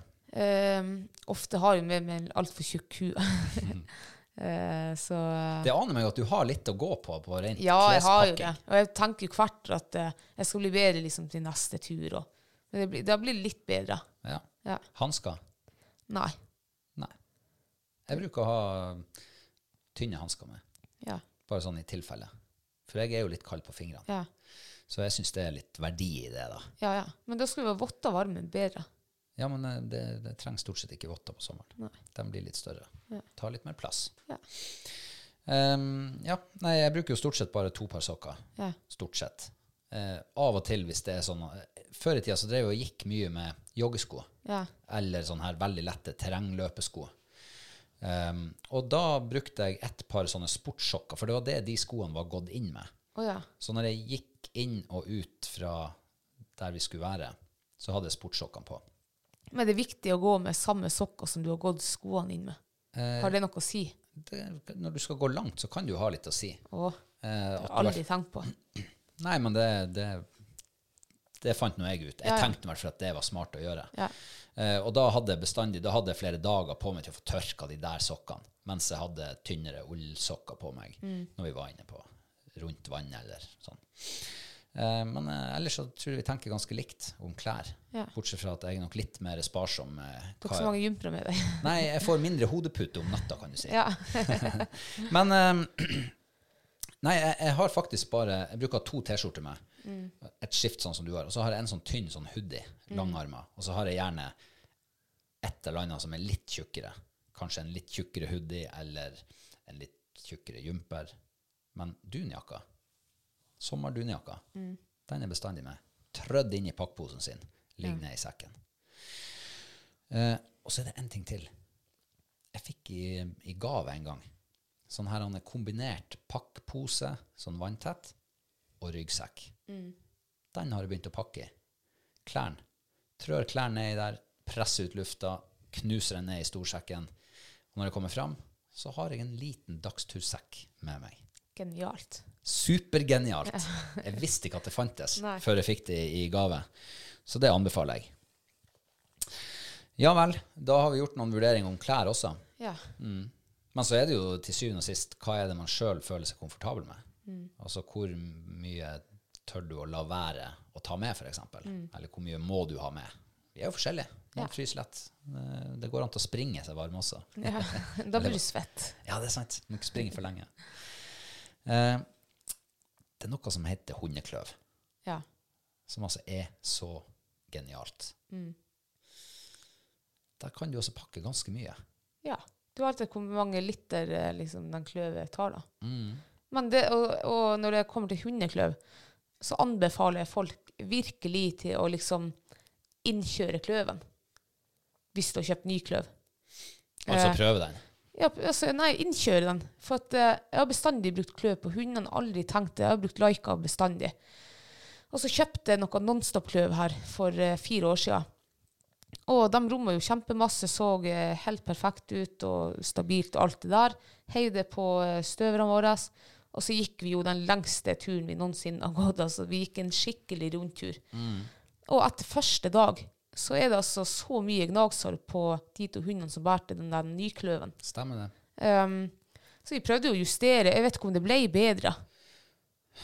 Nei, altså Når sår alt er kommet, Ja, så skal det jo Så ligger det og gnager. Og det syns jeg var det, uff, det var liksom helt unødvendig, og det var ikke noe artig eller bra for hundene. Og. Så kanskje hvis man prøver noe annet kløv, eller, eller du skal prøve kløv for første gang, prøv, liksom, kjør den inn med hunden og se hvordan den reagerer. For den gnagsåren de kom etter første dagen. Um, ja. Eh, Det blir jo som å kjøpe seg nye sko. ja. Du går ikke på eh, langtur med dem med Mm. en gang når de er nye. Det har jeg gjort, og det kan jeg skrive under på at jeg gjør aldri igjen. Mm. Og hvis hundene hadde det sånn med de kløvene på ryggen, som jeg hadde med de der nye skoene på Ja. da sier det bare 'stakkars dem'. Nå vil jeg bare si at det var ikke for å prate skit om de kløvene, for at nå i ettertid så har vi, har brukt dem. Ja, og, nå, ja, ja. og nå fungerer de. Vi bruker dem på en reborn. Han, er jo litt mer pelsbelagt enn de støverne. Så om det har noe å si, det vet ikke jeg. Eller om den bare Kanskje den var for liten til De er jo mye kraftigere, de her størene. Men det er jo det der å få tilpassa det. Tilpassa, ja. Og så kjørte, kjørt rett og slett inn for å se om, den, eh, ja, om akkurat det kløvet passer til den hunden. Um, men eh, hva er det vi pakker i de der kløvene? Det er jo eh, kaffe. Pakker vi dem. Eh, hundematen. Vi har jo Fight, noe som er si, både pensjonist og veteran. Og hun bærer jo veldig ofte hundematen, for det veier jo veldig lite. Um, øh, kaffe. Og så har vi jo kanskje ha litt snacks. Kanskje drytekken vår ligger i den. Og drytekken er jo ikke så nøye, for den ligger jo i gode pakker. Mm. Så om hunden plumper ut i elva når du krysser den, Mm. og alt oppi blir vått, så er ikke maten ødelagt allikevel. Så man kan jo eh, man bør kanskje tenke litt på hva man putter oppi der. Ja. Eh, hvis det er noe som ikke kan bli vått, Nei. så tar du det i sekken. ja. Eh, men hvor, hvor mye liksom, kan du laste på en hund, da? For det er jo et sånn tema som det sikkert er mange meninger om. Ja. Og jeg tenker jeg, Det er sikkert eh, noen eh, regler der, eller holdepunkt, eller Men eh, det har jo alt å si hvor stor er hunden, er han godt trent? Altså, ja, hva tåler han? Vi, han Reborn, hva han kan veie? Han veier vel en 24-25 kilo. Og han bærer jo ofte rundt sånn 80 kilo i kløven. Eh, han er godt trent. Han har, eh, han har båret kløv eh, stort sett hele sitt liv. Fight, som er 12 år, blir 12 år nå, hun bærte vel en 4 kilo i fjor. Eh, og så kvalpen hun som vi skal kjøre inn, hun virker jo ganske sånn eh, altså sterk kropp. Ja, hun begynner jo å få muskler i kroppen. Ja. Du ser at det her begynner å bli en Ja, det vokser på henne. Både muskler og Ja, det er jo muskler, da. Ja. Så hvis han Reben bærer 80 kilo, da, så kanskje ja, en tredje, en fjerdedel av vekta til hund. Kanskje han klarer å bære det. Ja. En tredjedel. ja. Hvis de er godt trent, da. Du kan ikke, begynne, du kan ikke laste på 8-10 kilo på en hund som aldri har båret klø før, eller som ikke har liksom, muskulatur. Det må være en hund som har liksom god, ja, god ben, benstamme og godt trent. Og, Det- tenker nå jeg. Ja, og det er, jo, det er jo akkurat som når man får unger, så begynner man å lære dem å gå på ski med en gang. Ja. Med en gang de popper ut, så er det liksom ski på beina. Eh, og så blir de vant til å gå på ski fra de er små. Ja. Eh, og det tror jeg er viktig med kvalper også. Ikke kvalper, men når de begynner å bli ung hund. Mm. Sett på dem det kløvet. La dem bli vant med å gå med kløv. Bare å ha kløv Bare på ha seg. kløv på seg. Ja. Mm. Og så kan du laste litt og litt vekt. Se hvordan de reagerer, om de viser tegn til eh, at det er ubehagelig, eller at de blir sliten. Eller altså, at du ser at det er noe som ikke stemmer. Og ikke gå den lengste turen med en gang du har lasta fullt kløv. Nei, det er kanskje det dummeste du gjør. ja. Men jeg tenker også at jeg, jeg tenker at det er nødvendigvis ikke vits i å begynne å trene med å ha kløver på seg. For da er det nesten litt sånn her Jeg tenker i hvert fall at du nesten skumliggjør det her at å, nå må vi sjekke om, eh, om hunden tåler å ha en kløv på seg. Jeg tenker at ta kløven på, sett gjerne halvt kilo i begge for å liksom å ta det derifra, da. Det er min mening. ja, ja. Du For bruker rett. Nei, altså, jeg sier ikke at det er rett eller galt, men tenk med det samme unge, liksom. Hvis du har en unge, og så bare Å, skal vi prøve å legge ryggsekken på ungen før han begynner på første klasse på skolen, Ja. uten matteboka si, for å se om han blir redd? Ja, det er sant. Altså litt sånn der. Ja, men Du eh, gjør det nesten litt, og så sier ungen 'nei', uh, og så bare Ja, tung. Ja, og så tar du den bort, og huff, og der har du det, liksom. Ja, da har du gått. Da har ungen vunnet. Kommer aldri til å gå på skolen. Nei, men eh, eh, Ja, jeg følger det for så vidt der. Ja. Det gjør jeg. Men poenget var nå egentlig bare å, at du begynner forsiktig, da. Ja, ja. Om du nå trenger legger et kilo på hver ski, eller noe sånt, så, ja, så poenget er bare å, å, ta det steg for steg. Mm. Så blir de en god kløvhund. Og du verden hvor deilig det er å ha flere kløvhunder. For Mm. du kan, du kan faktisk Alt det vi har snakket om nå, handler om prioritering. Hva er det du skal prioritere bort? Men nå kan man faktisk Har du to eller tre kløverhunder, så kan du faktisk ja, men da kan jeg ta den ekstra posen med smågodt, f.eks., eller ta den ekstra nøtteposen, eller vi tar de der snacksen til hundene. Altså, det du kanskje naturlig ville ha prioritert bort når du skal gå uten. Så eh, jeg har eh, Etter at jeg begynte å gå på tur sammen med deg med kløv på hundene Ja, du verden, altså. Det er verdi. Ja, det er verdi. Så hunden den er både kjempeturkamerat, og den er en del av eh, ja, teamet liksom, som eh, bidrar med, med tung bør, og, eller med bører. Men eh, da har vi vel så å si vært gjennom det som trengs å være med på pakklista. Ja. Jeg håper du som lytter på nå, har gjort notater, sånn at du slipper å høre episoden en gang til. men, eh, men det er jo eh, det her, Alt det her handler jo om hvilken erfaring har man sjøl. Ja. Til syvende og sist. Det er ingen fasit. Nei, absolutt ikke. Og ting som er viktig for oss, som er er sikkert ikke like viktig for andre. Og, Mm. noen liker kanskje å slite, bære svintungt, fordi at det gir en eller annen god følelse i kroppen. Ja. Hva vet vel jeg. Eh, men, eh, men eh, jeg har kjent på folk som går på eh, like lange turer som det vi gjør, og de har syv kilo på ryggen, Ja. inkludert sekk og alt. Eh, våre sekker veier vel gjerne ofte en sånn 15 kilo ish. Eh, I fjor hadde vi altfor tung sekk. Da tror jeg de var nærmere 20. ja, jeg tror min var 18 og et eller annet. Ja, og det merka vi. Ja, man gjorde Det, det, faktisk. det var altså så mye tyngre å gå. Ja. Så, og derfor, det er kun derfor jeg tenker så mye på vekt. Mm. Det er for å, å ta bort de der ekstra tre-fire kiloene Mm. som gjør at turen oppleves mye tyngre. Men eh, er det noen sånn eh, generelle mm, turråd vi kan hekte med på slutten, kanskje sånn Tja eh, For å løfte blikket litt, på en måte. Jeg er jo veldig sånn her planlegg godt nok, i hvert fall. Ja. Det er en ting som jeg i hvert fall har blitt veldig opptatt av de senere årene. Jeg tenkte aldri på det før. Eh, og det er på sommeren, på, altså generelt sommerturer, da. Hvis det kommer lyn og torden. Ja. Så nå, hver gang jeg kommer fram til teltplass, så liksom bare kikker meg litt rundt, ser jeg liksom ja, Kan det da være et skjul hvis det kommer lyn og to For så, jeg har så respekt for det. og jeg ble skikkelig Altså, du har ikke respekt for det, du er livredd. jeg er livredd, egentlig, ja. Og jeg, ble, jeg fikk en støkk her for en eh, tre-fire år siden. Vi var på fjellet, og vi lå på en paddeflat eh, plass med teltet vårt som høyest punkt i terrenget. Og det eh, var altså helt, så helt Det hørtes ut som krig rundt teltet vårt. Og det blinka, og det hylte, og det slo. Og, så etter det har jeg blitt, ja, da har jeg faktisk blitt livredd for det. Så nå er det veldig viktig for meg å, å kikke meg rundt og liksom finne noen sånne her rømlingsplasser hvis det skulle skje igjen. Eh, For jeg, jeg følte meg veldig utrygg i teltet når vi satt der sist. Og kanskje, ja, kanskje tenke på hvor plasserer du teltet. Skal du plassere teltet oppå den høye sukkertoppen? Kanskje du kan gå litt nedfor toppen, eller nedfor den haugen der, og legge teltet dit. Ja. Ja. ja eh, det var jo også Lyn og torden var noe som jeg aldri tenkte på Nei. før vi var på den turen du snakker om nå. Ja. Aldri. Fordi at eh, det var sjelden lyn og torden. Eh, og de gangene det var lyn og torden når jeg var barn, så var det jo spennende å være ute. ja, faktisk. Ja, for det regna jo, det var varmt, og det buldra i fjellene, og i det hele tatt Det var litt action. Ja, det var det. Men eh, når du ligger på fjellet, og det er altså sånn at lynet slår ned, og du klarer ikke å telle sekund Du klarer ikke å telle ett sekund fra du ser det blinke, og det blinker hele tida, da følte ikke jeg meg så veldig stor. Da kjente du at uh, her er det moder jord og naturkreftene som bare Her er noe som er fillerister større deg. enn deg sjøl. Ja. Ja. Uh, så det er faktisk uh, et poeng som, eh, som eh, du har egentlig fått meg til å tenke på. Rett og slett fordi at jeg vet hva det gjør med deg.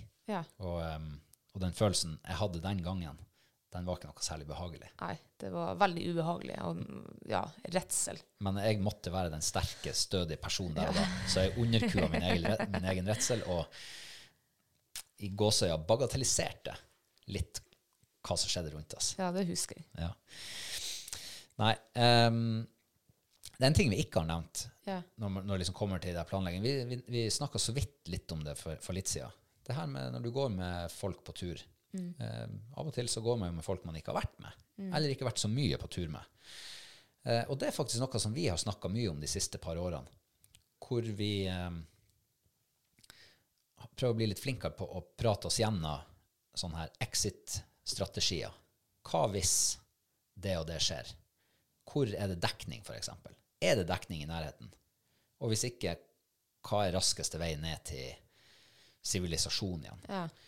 Eh, hvis jeg detter om med hjertefeil, hvor er det du må springe da for å få tak i hjelp? ja.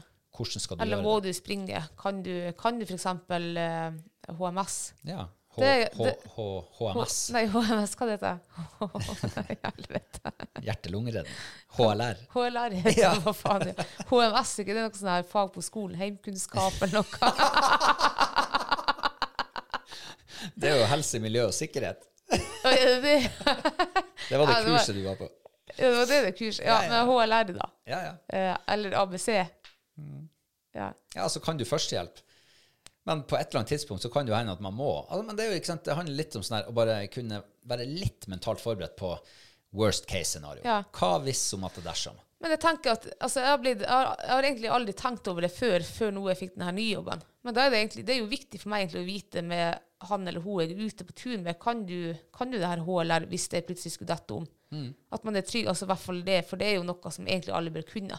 Det tok Ja. bare 30 år før jeg kunne, kunne det. Ja. Og det er egentlig veldig flaut å si. ja, men du er sikkert ikke alene. Nei.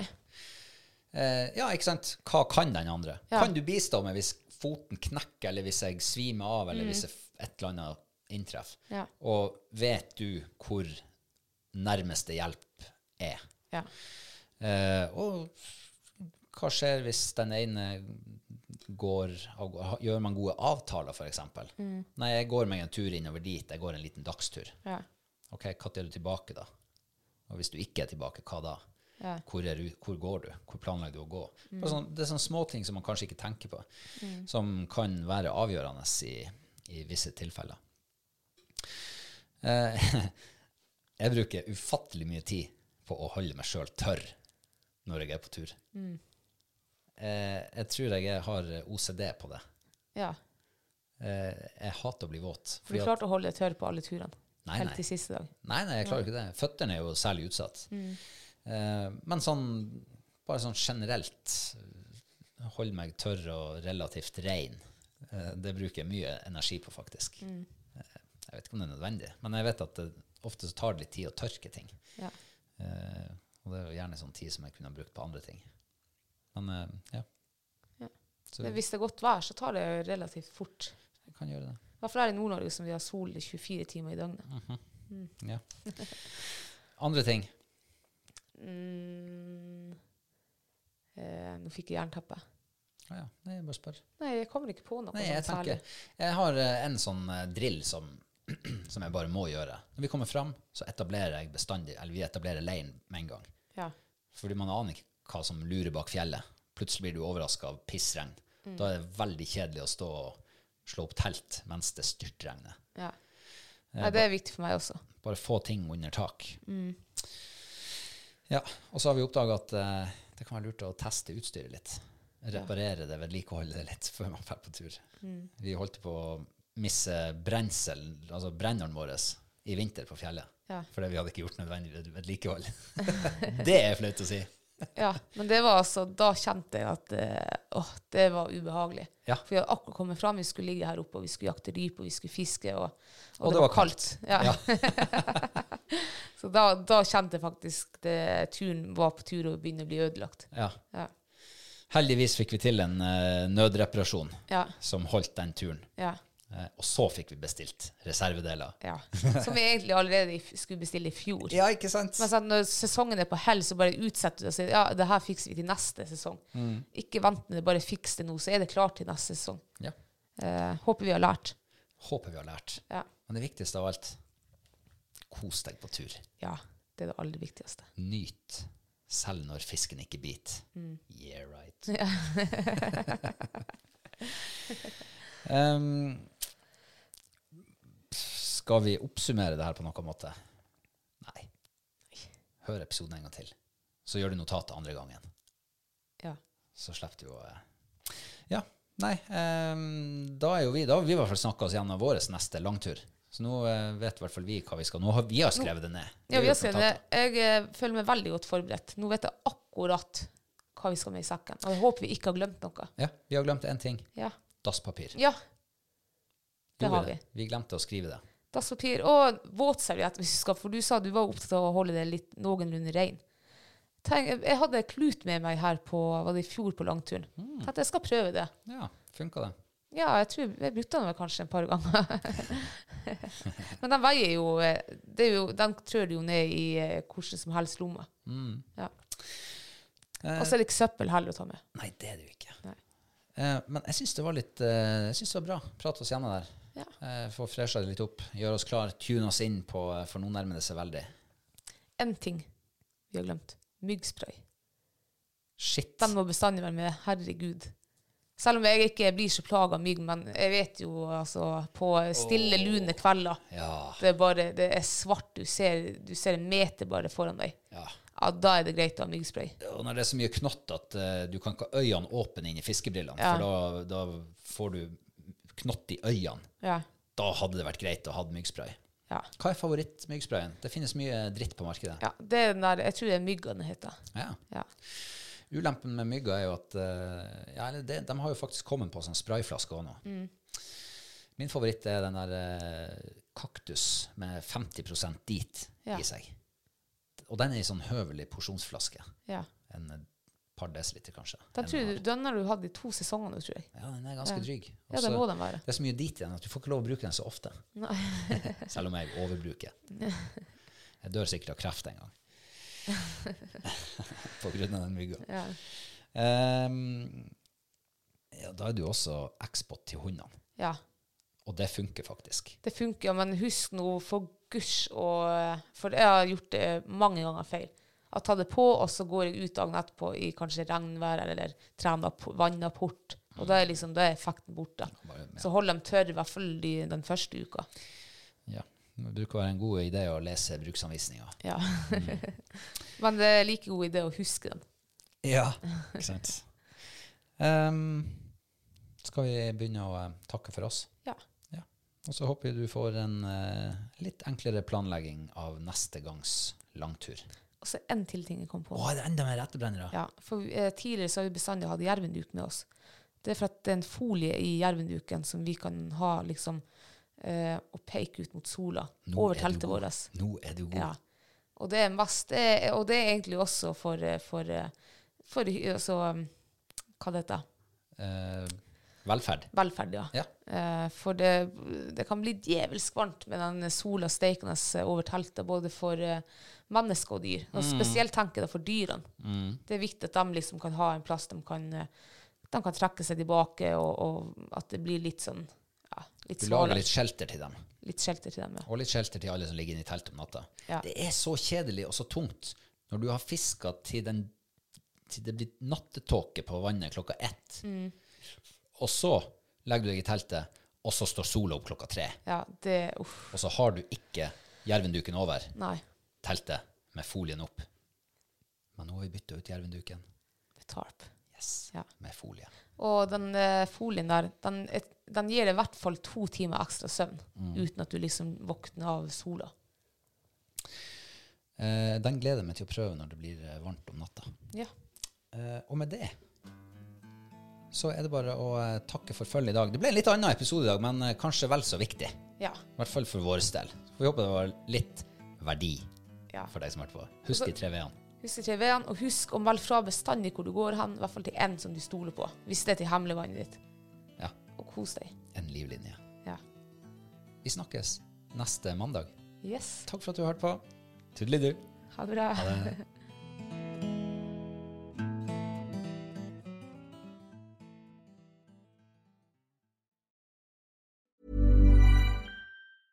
Hi, I'm Daniel, founder of Pretty Litter. Did you know cats tend to hide symptoms of sickness and pain? I learned this the hard way after losing my cat, Gingy. So I created Pretty Litter, a health monitoring litter that helps detect early signs of illness by changing colors, saving you money and potentially your cat's life. Pretty Litter is veterinarian developed, and it's the easiest way to keep tabs on your fur baby's health right at home. Go to prettylitter.com and use code ACAST for 20% off your first order and a free cat toy. Terms and conditions apply. See site for details.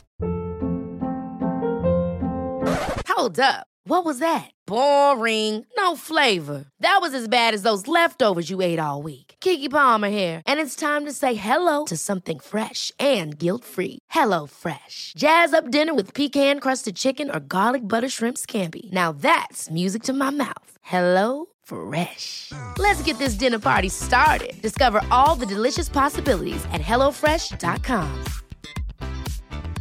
Planning for your next trip?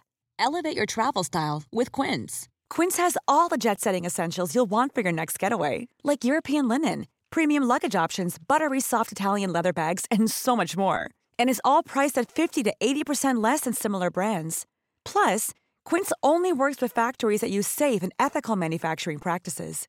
Pack your bags with high-quality essentials you'll be wearing for vacations to come with Quince. Go to quince.com slash pack for free shipping and 365-day returns.